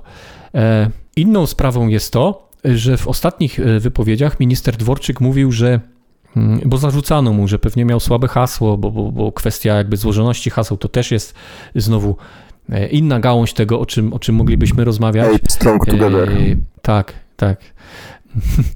E, I jedną kwestią jest to, że nie używał tej dwustopniowej weryfikacji. Drugą kwestią jest to, jakiego hasła używał, a, a hasło z tej skrzynki już mogło, mogło wyciec. Na takie zarzuty odpowiedział, że w ciągu ostatnich tam paru miesięcy wymienił tam ilość tych miesięcy, 9 czy 10 czy, czy ileś, już nie pamiętam. Powiedział, że 12 razy zmieniał hasło. I coś takiego jak e, regularna zmiana haseł, to też jest taka rada, która już e, wyszła jakby z obiegu. Tak, wyszła z mody. Nie wiem, Prawda. wyszła z mody, Ale wyszła z obiegu. Niektóre do... systemy swego czasu wymagały w ogóle i dużo jest jeszcze takich systemów, które jakby wymagają zmiany tej regularnej zmiany haseł co 30 dni. Dużo jest takich pracodawców, dużo jest takich adminów, którzy wymagają Chciałem tej właśnie zmiany powiedzieć, hasła. że nawet jeżeli nie wymaga tego samo oprogramowanie, to ludzie, którzy tak. mają trochę oleju w głowie właśnie z zespołów IT, czy zajmujący się e, bezpieczeństwem sieci, tego rodzaju wymagają tego. Tylko tylko, że e, okazało się z biegiem czasu, że daje to więcej szkód niż korzyści, bo ludzie są z natury leniwi. Czyli trzy hasła na krzyż, tak? To już je, tak, to jest jedno, że jakby w kółko są te same hasła powtarzane. Jeżeli muszą zmieniać co 30 dni hasło, e, to zaczynają się takie niebezpieczne rzeczy tworzyć e, jak hasło łatwe do zapamiętania. E, czyli na przykład w styczniu Stasiu 1, w lutym Stasiu 2, czy też Stasiu 02, w marcu Stasiu 03 i tak dalej, i tak dalej, bo musimy to hasło zmienić, no to zmieniamy, no dobra, co 30 dni, no to zmieniamy kolejny miesiąc. E, Stasiu 2020, Stasiu 2021. Wiesz o co chodzi? E, stworzy się taka mm, taki niebezpieczny schemat, który daje więcej szkody niż korzyści i mm, w najnowszych jakby rekomendacjach dotyczących cyberbezpieczeństwa odchodzi się od tego, żeby e, wymuszać na użytkowniku końcowym, jeżeli jesteśmy adminem lub kimś odpowiedzialnym za cyberbezpieczeństwo, żeby zmuszać swojego użytkownika e, końcowego do tego, żeby to hasło po jakimś czasie e, zmieniał. Łatwiejsze jest mm, używanie menedżera haseł, to już dla takich osób średnio zaawansowanych. No a najlepsze y, jest używanie haseł, które po prostu nie zawierają żadnego mm, y, prawdziwego wyrazu w sobie, e, mają duże i małe litery, co najmniej 8 znaków, chociaż choć, tak, znaki specjalne, chociaż mówi się już, e, żeby te, te hasła co najmniej sześcioznakowe były i tak dalej, i tak dalej. Ale coś takiego, jak minister Dworczyk powiedział, czyli zmieniałem hasło 12 razy w ostatnich trzech miesiącach, Należałoby pytać, w jaki to, sposób jeszcze zmieniał to hasło. Należałoby pytać, w jaki sposób, bo jeżeli to było, wiesz, Michał 1, Michał 2, Michał 3, Michał 4 i tak dalej, no to e, bezpieczeństwo tego hasła e, było wątpliwe. W gazecie wyborczej bodajże ukazał się jeszcze cykl takich artykułów i tam mm, e, dziennikarze zwracali na coś jeszcze jednego uwagę, że być może minister Dworczyk, to oczywiście mówię tylko powtarzając to, co było, w, było zapisane w internecie, nie, nie sprawdzałem tego, ani nie mam zamiaru tego sprawdzać, że być może minister Dworczyk, jako że załatwiał wiele rzeczy służbowych za pomocą swojej prywatnej skrzynki, po prostu dzielił się z kimś tym hasłem, kto tą skrzynkę obsługiwał, wysyłał tam jakieś dokumenty do kogoś, komentował, e, wysyłał jakieś odpowiedzi i tak dalej. Być może też tak było, że dostęp do tej skrzynki e, miały osoby trzecie i po prostu te hasło gdzieś tam czy to w rozmowie, czy ktoś podejrzał, jak e, ktoś wpisuje to hasło z klawiatury, czy tak jak mówisz, e, gdzieś na słynnej żółtej karteczce na monitorze to hasło wisiało, bo takie rzeczy też niestety cały czas się zdarzają. Pod klawiaturami mamy podklejone hasła e, złożone z 20 znaków, ale jednak gdzieś tam widoczne dla każdego, kto, kto na nasze stanowisko spojrzy i kto do nas być może przyjdzie, przyjdzie do domu, albo w pierwszej szufladzie biurka. Takie hasła często też można znaleźć. Czyli jak na każdej płaszczyźnie życia. Przede wszystkim zabezpieczajmy się. Tak, zabezpieczajmy się, stosujmy menadżera haseł, bo to jest taka najłatwa, najłatwiejsza metoda, żeby y, te hasła złożone, bo jak zawsze jak pokazuję hasła, jakiego, z jakich należałoby korzystać na swoich wykładach, to ktoś mówi, o Boże, o matko, jak ja to mam zapamiętać? Ja się zgadzam z tym, trudno jest zapamiętać 20-znakowe hasło tak? Chciałeś coś powiedzieć? Nie, to jest kwestia nauczenia się też pewnego e, rodzaju Nauczenia się. Haseł, i... tak, bo można też poszczególne I... elementy tych haseł stanowiących połączenie liter. I... Ale jakie jest też ryzyko, jeżeli ktoś y, uczy się na pamięć tych haseł? Ryzyko jest takie, że stosujemy y, być może nawet i bardzo złożone hasło, ale jedno do wszystkich usług. Takie rzeczy też się zdarzają. Stosujemy jedno hasło albo gdzieś kombinację e, haseł do do kilku czy kilkunastu ja nie będę ukrywał, mam, korzystamy. Mam kilka takich haseł, którymi roluję i kombinacje właśnie tych e, Dokładnie. Tych haseł. I to się, to się, to się One często są zdarza. Zdarzają się... Są pewnie po kilkanaście znaków każde ma małe, duże litery, tak. liczby, cyfry. Tutaj nie ma żadnej um, ułożonej tak. kolejności, tak? Tutaj nie ma, to żadne mhm. słowo, natomiast faktycznie są miejsca, w których korzystam albo z bardzo podobnego, albo, nie ma, albo z tożsamego nawet hasła. Mhm. Czyli faktycznie Właśnie. utrata, wyciek danych w jednym serwisie internetowym może w konsekwencji prowadzić do tego, że y, narażamy że się na wszystkie atak, konta. Tak, dokładnie. Tak. E, ludzie też stosują taki myk, jak e, zawsze mówię o złożoności tych haseł i żeby to hasło było jak najdłuższe. E, teraz są też bardzo popularne takie pasfrazy, czyli stosujemy jakby zlepek wyrazów, które, które zapamiętamy, a to de facto tworzy nam bardzo długie hasło. Na przykład, to nie jest żadne hasło, ale daję taki przykład, moje bardzo trudne hasło do Facebooka i tam coś jeszcze, nie? Małpa 2020. I ktoś daje sobie takie hasło. I to hasło Wiesz, jeżeli wpiszesz je do jakiegoś takiego miernika tego internetowego haseł, to wyskoczy ci jako bardzo silne. I ktoś mówi, o, bardzo silne hasło, ustawię je na Facebooka. E, do Instagrama sobie dam moje bardzo silne hasło do Instagrama małpa 2020. Do jakie tam jeszcze mamy usługi Twittera. Dam sobie Nasza hasło, klasa. moje bardzo silne hasło do, do Twittera małpa 2020. Wiesz o co chodzi? Tak. Niby mam schemat. bardzo silne hasła, niby mam do każdego, do każdej usługi ustawione odrębne hasło, ale atakujący czy też z wycieku danych, e, jeżeli ktoś pozna hasło do jednej usługi, jest w stanie bardzo szybko zorientować się, jakie mamy hasła do innych usług. Nie róbmy takich rzeczy. E, stosujmy menadżera haseł. Przede wszystkim to jest program, który nawet kilkunastoznakowe hasło wygeneruje nam sam. Możemy go zainstalować, y, będzie działał razem z, na przykład z przeglądarką internetową. Wtedy wchodząc na jakąkolwiek stronę, klikamy jeden przycisk, hasło uzupełnia nam się e, automatycznie. Nie musimy ich pamiętać i jesteśmy wtedy dużo bardziej bezpieczni. E, stosujmy też e, wieloskładnikową weryfikację i wtedy na pewno będziemy znacznie bezpieczniejsi niż członkowie naszego rządu. Nawet na tych e, skrzynkach takich zwykłych z WP, z Gmaila czy z jakiegokolwiek innego dostawcy, no bo przecież nie każdy musi wykupować domenę, e, ustawiać tam jakieś specjalne zabezpieczenia, żeby czuć się e, bardzo bezpiecznym. A jeszcze też jedna rzecz o tym, co, o czym ty wspomniałeś, na przykładzie tych wycieków zdjęć z chmury, czy też to, że ktoś zapomniał gdzieś pendrive'a. Jeżeli mamy jakieś bardzo ważne rzeczy na pendrive'ie, to naprawdę szyfrujmy to. To też nie jest fizyka kwantowa, też szyfrowanie plików e, takich, które wiemy, że są dla nas ważne i mogą stanowić jakąś tam e, jakiś stopień poufności mogą w sobie zawierać, czy też zawierają dane osobowe, bo to też jest bardzo częsty problem. Wyciek danych osobowych można, można nieźle popłynąć, mówiąc kolokwialnie, na wycieku danych osobowych i to finansowo to szyfrujmy takie pliki. Są specjalne programy darmowe, czy też Windows 10 Pro daje możliwość e, jakby e, defaultowego, czy też domyślnego e, sposobu szyfrowania.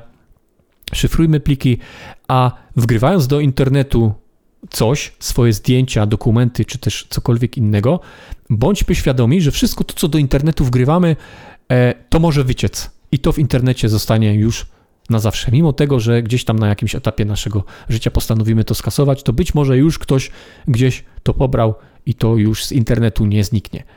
Wgrywając coś do internetu, myślmy, miejmy zawsze z tyłu głowy to, że to y, może być publicznie dostępne, mówiąc wprost. Tak, czyli wracamy do tego ekshibicjonizmu sieciowego. Warto jednak gdzieś w tym wszystkim zachowywać zdrowy rozsądek, jeżeli publikujemy szczególnie zdjęcia różnego rodzaju w sieci. E, tak, i to tyczy się szczególnie serwisów społecznościowych, bo ja też rozumiem kwestię taką, że serwisy społecznościowe do tego właśnie są, żeby się dzielić jakimiś przemyśleniami, żeby dzielić się e, zdjęciami bąbelków, kotów, e, psów i zdjęciami z wakacji.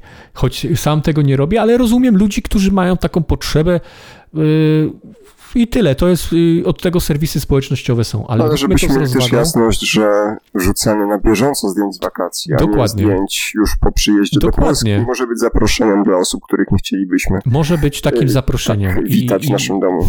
Tak. Wtedy jesteśmy narażeni na jakieś niebezpieczeństwo. Bądźmy tego e, przynajmniej świadomi, jeżeli już musimy takie zdjęcia wrzucać. Pokazywanie swojego statusu majątkowego jest być może fajne, bo sąsiad będzie nam zazdrościł, ale może nie być e, bardzo roztropne. Szalenie ciekawy temat. Pewnie długo jeszcze można by mówić o tym, co należałoby zrobić, jakie kroki teraz zostaną podjęte, jak to wyglądało w historii, no bo przecież też nawet najwięksi tego świata nie ustrzegli się swego czasu ataku. Tutaj na myśli Google, czy tak bardziej prozaicznie, e, rozrywkowo i z naszej działki Sony, które miało swego czasu problem z wyciekiem danych więc to jest niestety coś powszechnego i to, co możemy zrobić, to... Bardzo dużo, bardzo dużo.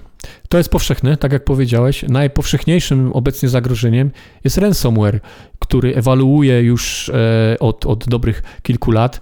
Ransomware obecnie już działa nie tylko tak, na przykład CD Projekt, ostatni atak na CD Projekt jest tego doskonałym przykładem. Kiedyś atak ransomware polegał na tym, e, że chciano okupu i, i tylko tyle. Teraz ransomware idzie o krok dalej, na przykład y, na przykładzie tego CD Projektu. E, atakujący teraz e, przed wykonaniem tego ostatecznego kroku, czyli przed zaszyfrowaniem komputerów ofiary, e, pobierają, jeżeli dostaną się do infrastruktury takiej ofiary, pobierają wszystko to, co mogą, materiały kompromitujące, niekompromitujące, gdzieś tam jakąś klauzulą poufności oznaczone. W przypadku CD Projektu były to kody źródłowe, silnika, tak, do gry e, Wiedźmin, do, Wiedźmin, do gdzieś tam Gwinta. Tak. Tak, do Gwinta, wydanie, gdzieś tam jakieś, jakieś kody źródłowe Wiedźmina, gier. Ale też Electronic Arts mhm. niedawno miało podobną sytuację. Electronic Arts, tak, tak, też, też silnik gier został pobrany przez, przez cyberprzestępców. I tacy cyberprzestępcy pobierają te wszystkie dane z tych, z tych serwerów firmowych, e, później atakują e, ransomwarem, czyli zaszyfrowują nasze komputery, e, żebyśmy nie mieli do nich dostępu i za odblokowanie tej całej infrastruktury żądają okupu. A jeszcze dodatkowo powiedzą, że jeżeli nam nie zapłacisz tego okupu, to my opublikujemy wszystko to, co na Twoich na Twoich serwerach znaleźliśmy się. Więc idzie to już to zagrożenie coraz dalej. Już w tej chwili idzie dwutorowo. E, mówi się, żeby tych okupów nie płacić, bo narażamy się na e, kolejny atak. I kolejny atak. Ostatnio też były takie badania na Geekwebie, można o tym, można o tym przeczytać. Pojawiła się ta, taka statystyka, ile E, firm e, czy też jakichś ośrodków zostało zaatakowanych ponownie po tym, jak, jak już została zaatakowana przez ransomware. I to jest 80, 80, e, jeżeli dobrze pamiętam, czy ponad 80% firm, które zostały już raz zaatakowane, to później ponownie zostają zaatakowane, bo są już gdzieś w bazie tych przestępców. I mówi się, żeby tych, żeby tych okupów nie płacić. I to jest dobra, dobra rada, pod warunkiem, że jesteśmy w stanie tą e, swoją infrastrukturę przywrócić do tego stanu sprzed ataku.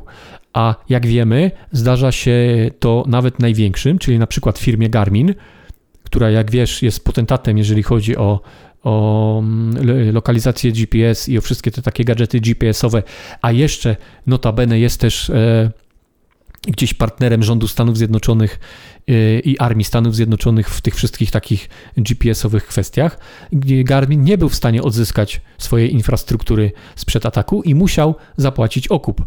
Więc, e, więc to są bardzo złożone kwestie. Mówi się, żeby okupu nie płacić, ale niekiedy może być tak, że nie da się po prostu w sposób inny odzyskać tego, co już zostało stracone. Dlatego taką jedną też ze złotych rad jest to, żeby zawsze tworzyć sobie kopię zapasową e, ważnych dla nas plików, już nie tylko tych, które mamy mm, zawodowo na swoim komputerze, ale też prywatnych, bo pewnie też każdy z nas ma tam jakieś ważne rzeczy, które chciał, nie chciałby, żeby, żeby zniknęły. I warto zrobić rachunek sumienia w zakresie tego, co trzymamy na dysku, szczególnie na dyskach sieciowych w kontekście ewentualnego wycieku.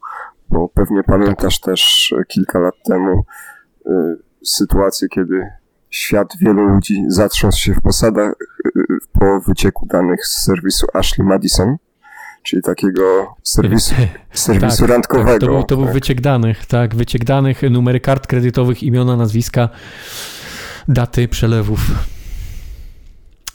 No, spory kłopot mieli pewnie w większości panowie, którzy korzystali z, ze strony. Nie generalizowałbym, że to tylko domena panów była, ale y, i to też jest y, pewnie problem y, samego serwisu, który pewnie też spotkał się z jakby z no, z, jakimś, z jakąś odpowiedzialnością prawną które, ty, tych osób, które postanowiły jednak pozwać za. Bezsprzecznie tutaj widzę piękną podstawę do sformułowania roszczenia. Mhm. Ale chyba minister Dworczyk na to się nie zdecyduje. Zobaczymy, jak to wszystko się rozwinie. No właśnie miałem cię o to zapytać na koniec. Jak, ciekawa jak, sprawa. Jakie są twoje przewidywania co do kolejnych kroków i kolejnych okoliczności sprawy, w którym kierunku może to podążyć? Nie mam najmniejszego pojęcia, w którym kierunku. Było Poinformowaliśmy o... na to, więc, więc to mówiliśmy, tak? Kilka dni temu głośno było o koncepcji takiego utajnionego posiedzenia, y, czy to pierwotnie Rady Ministrów, czy to całego Sejmu właśnie w kontekście cyberbezpieczeństwa. Może trzeba paniom i panom posłom i panią posłankom zorganizować szkolenie z tego zakresu, tak, i wskazać, że jednak korzystanie z domeny WPPL jest w porządku, jeżeli chcemy przesyłać to wspomniane wcześniej menu e, z kantyny sejmowej, ale już cokolwiek poważniejszego, no to nie wydaje mi się, żeby, znaczy inaczej jestem pewien, że e, jeżeli osoba określona staje posłem, to otrzymuje dostęp do sejmowej skrzynki pocztowej, więc warto, żeby korzystać właśnie z tych mhm. Rozwiązań. Warto, żeby z tego korzystać. E, wtedy przynajmniej w, w momencie wycieku czy też schakowania takiej skrzynki nikt nie będzie miał pretensji, no, że państwo e, czy też rząd działa na darmowych skrzynkach mailowych, nie? Bo to, bo to, bo to słabe jest po prostu. Bo umówmy się, bo, bo mówimy cały czas, że wiesz, y, te, te, te takie prywatne skrzynki mailowe i tak dalej. E, tak samo narażone na ataki są oczywiście te skrzynki służbowe nasze. One mają te same zabezpieczenia zapewne, co te skrzynki prywatne. Wracamy do należytej staranności po prostu i tego, tak. co my robimy jako użytkownicy. Tak, zachowajmy podstawy tej, e, pod, podstawy tej cyberhigieny. I wtedy w przypadku wycieku, bo taki wyciek może się zdarzyć, choć niezależnie od tego, co byśmy robili, chociaż jeżeli ktoś stosuje klucz U2F, no to, no to nie ma bata, jak to się mówi kolokwialnie. Nie ma bata, żeby cię ktoś schakował i żebyś dał się na przykład złapać na phishing, jeżeli używasz klucza, e, klucza sprzętowego. No nie ma, nie ma takiej możliwości, bo tam jest klucz, e, ta, tam jest e, zasada tych, wymiany tych kluczy i ktoś e, e, na stronie phishingowej nie dostanie po prostu tego, co powinien dostać na, na normalnej stronie, jeżeli nie ma tego klucza. I, i, I tyle, no. I po prostu stosujmy minimum tego, co powinniśmy stosować, a, a będziemy bezpieczni, bo zawsze e, najsłabszym ogniwem jakichkolwiek zabezpieczeń e, sieciowych, internetowych jest człowiek. I najłatwiej jest zawsze schakować człowieka. Tak, najlepiej jest zawsze schakować człowieka. I o, Mówiąc już, że najłatwiej jest zawsze schakować człowieka, to być może w przypadku ministra Dworczyka również doszło do takiego ataku socjotechnicznego, że może nikt nie bawił się w zgadywanie hasła, może nikt nie e, przebierał w bazach danych, bo być może to hasło już gdzieś wyciekło, ale być może po prostu atak socjotechniczny, ktoś podejrzał hasło, o czym już mówiłem, czy ktoś zapytał po prostu, bo Kevin Mitnick kiedyś e, takie takie zdanie wypowiedział, że najłatwiej um, uzyskać od człowieka jakieś informacje, po prostu pytając go o nie. Ludzie są w stanie powiedzieć ci dużo, dużo, jeżeli e, odpowiednio zapytasz. Dla mnie zatrważające było też to, swego czasu polscy posłowie otrzymali tablety, które miały być wykorzystywane do pracy w Sejmie. Tak, pamiętam. Oczywiście cały Sejm jest otoczony kamerami, czy nie budynek Sejmu, tylko e, sala, w której trwają obrady mhm. niższej izby parlamentu, bo to mam na myśli właśnie Sejm. I, I, wszyscy korzystali nałogowo właśnie, znaczy nie chcę powiedzieć wszyscy, ale wielu posłów korzystało też pry- w prywatnych celach yy, z tych tabletów, mm. wpisując właśnie tam hasła i nie trzeba było wielkiej filozofii, żeby przy kamerach wysokiej rozdzielczości nawet gdzieś tam w telewizji podejrzeć, co kto na Oczywiście. swoim wyświetlaczu ma. Oczywiście. A weźmy pod uwagę to, że takie kamery e, zawsze obsługuje jakiś inny człowiek, którego jakby sposób, e, sposób trzymania informacji dla siebie może być, może być różny, że tak się. Albo może tak otrzymać różne oferty. Może otrzymać różne oferty, oczywiście. A pecunia non olet. Tak, tak się mówi. Nic się nie zmieniło od czasów starożytnego Rzymu. Tak, tak. No więc, więc chyba tyle. Będziemy się przyglądać temu, co, co tam się wydarzy dalej. Będziemy się przyglądać temu, co tam dalej się wydarzy w tej kwestii.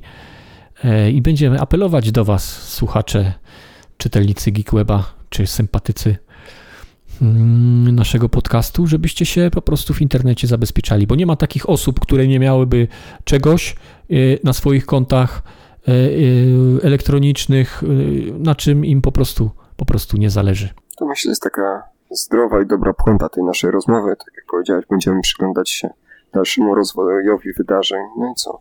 Trzymamy kciuki za roztropność osób trzymających stery w tym naszym systemie. Miejmy nadzieję, że e, kogoś, czegoś ta cała sytuacja nauczy i że będziemy po prostu, mm, no co prawda jak, jak, jak to Polacy po szkodzie, ale będziemy po prostu po tym wszystkim mądrzejsi i że będziemy się po prostu zabezpieczać lepiej i internetowo, i w, w życiu codziennym. Czego Państwu i sobie życzymy. Tak jest. Zapraszamy na nasze kolejne odcinki. E, regularny, zero-jedynkowy podcast co dwa tygodnie. Mm, nieregularny, czyli taki jak przyjdzie nam ochota, podcast w wersji shot. W tak zwanym międzyczasie. Co jakiś czas. W tak zwanym międzyczasie. Dziękuję Wam. Ja ze swojej strony mówię cześć i do usłyszenia. Ja również cześć i do usłyszenia.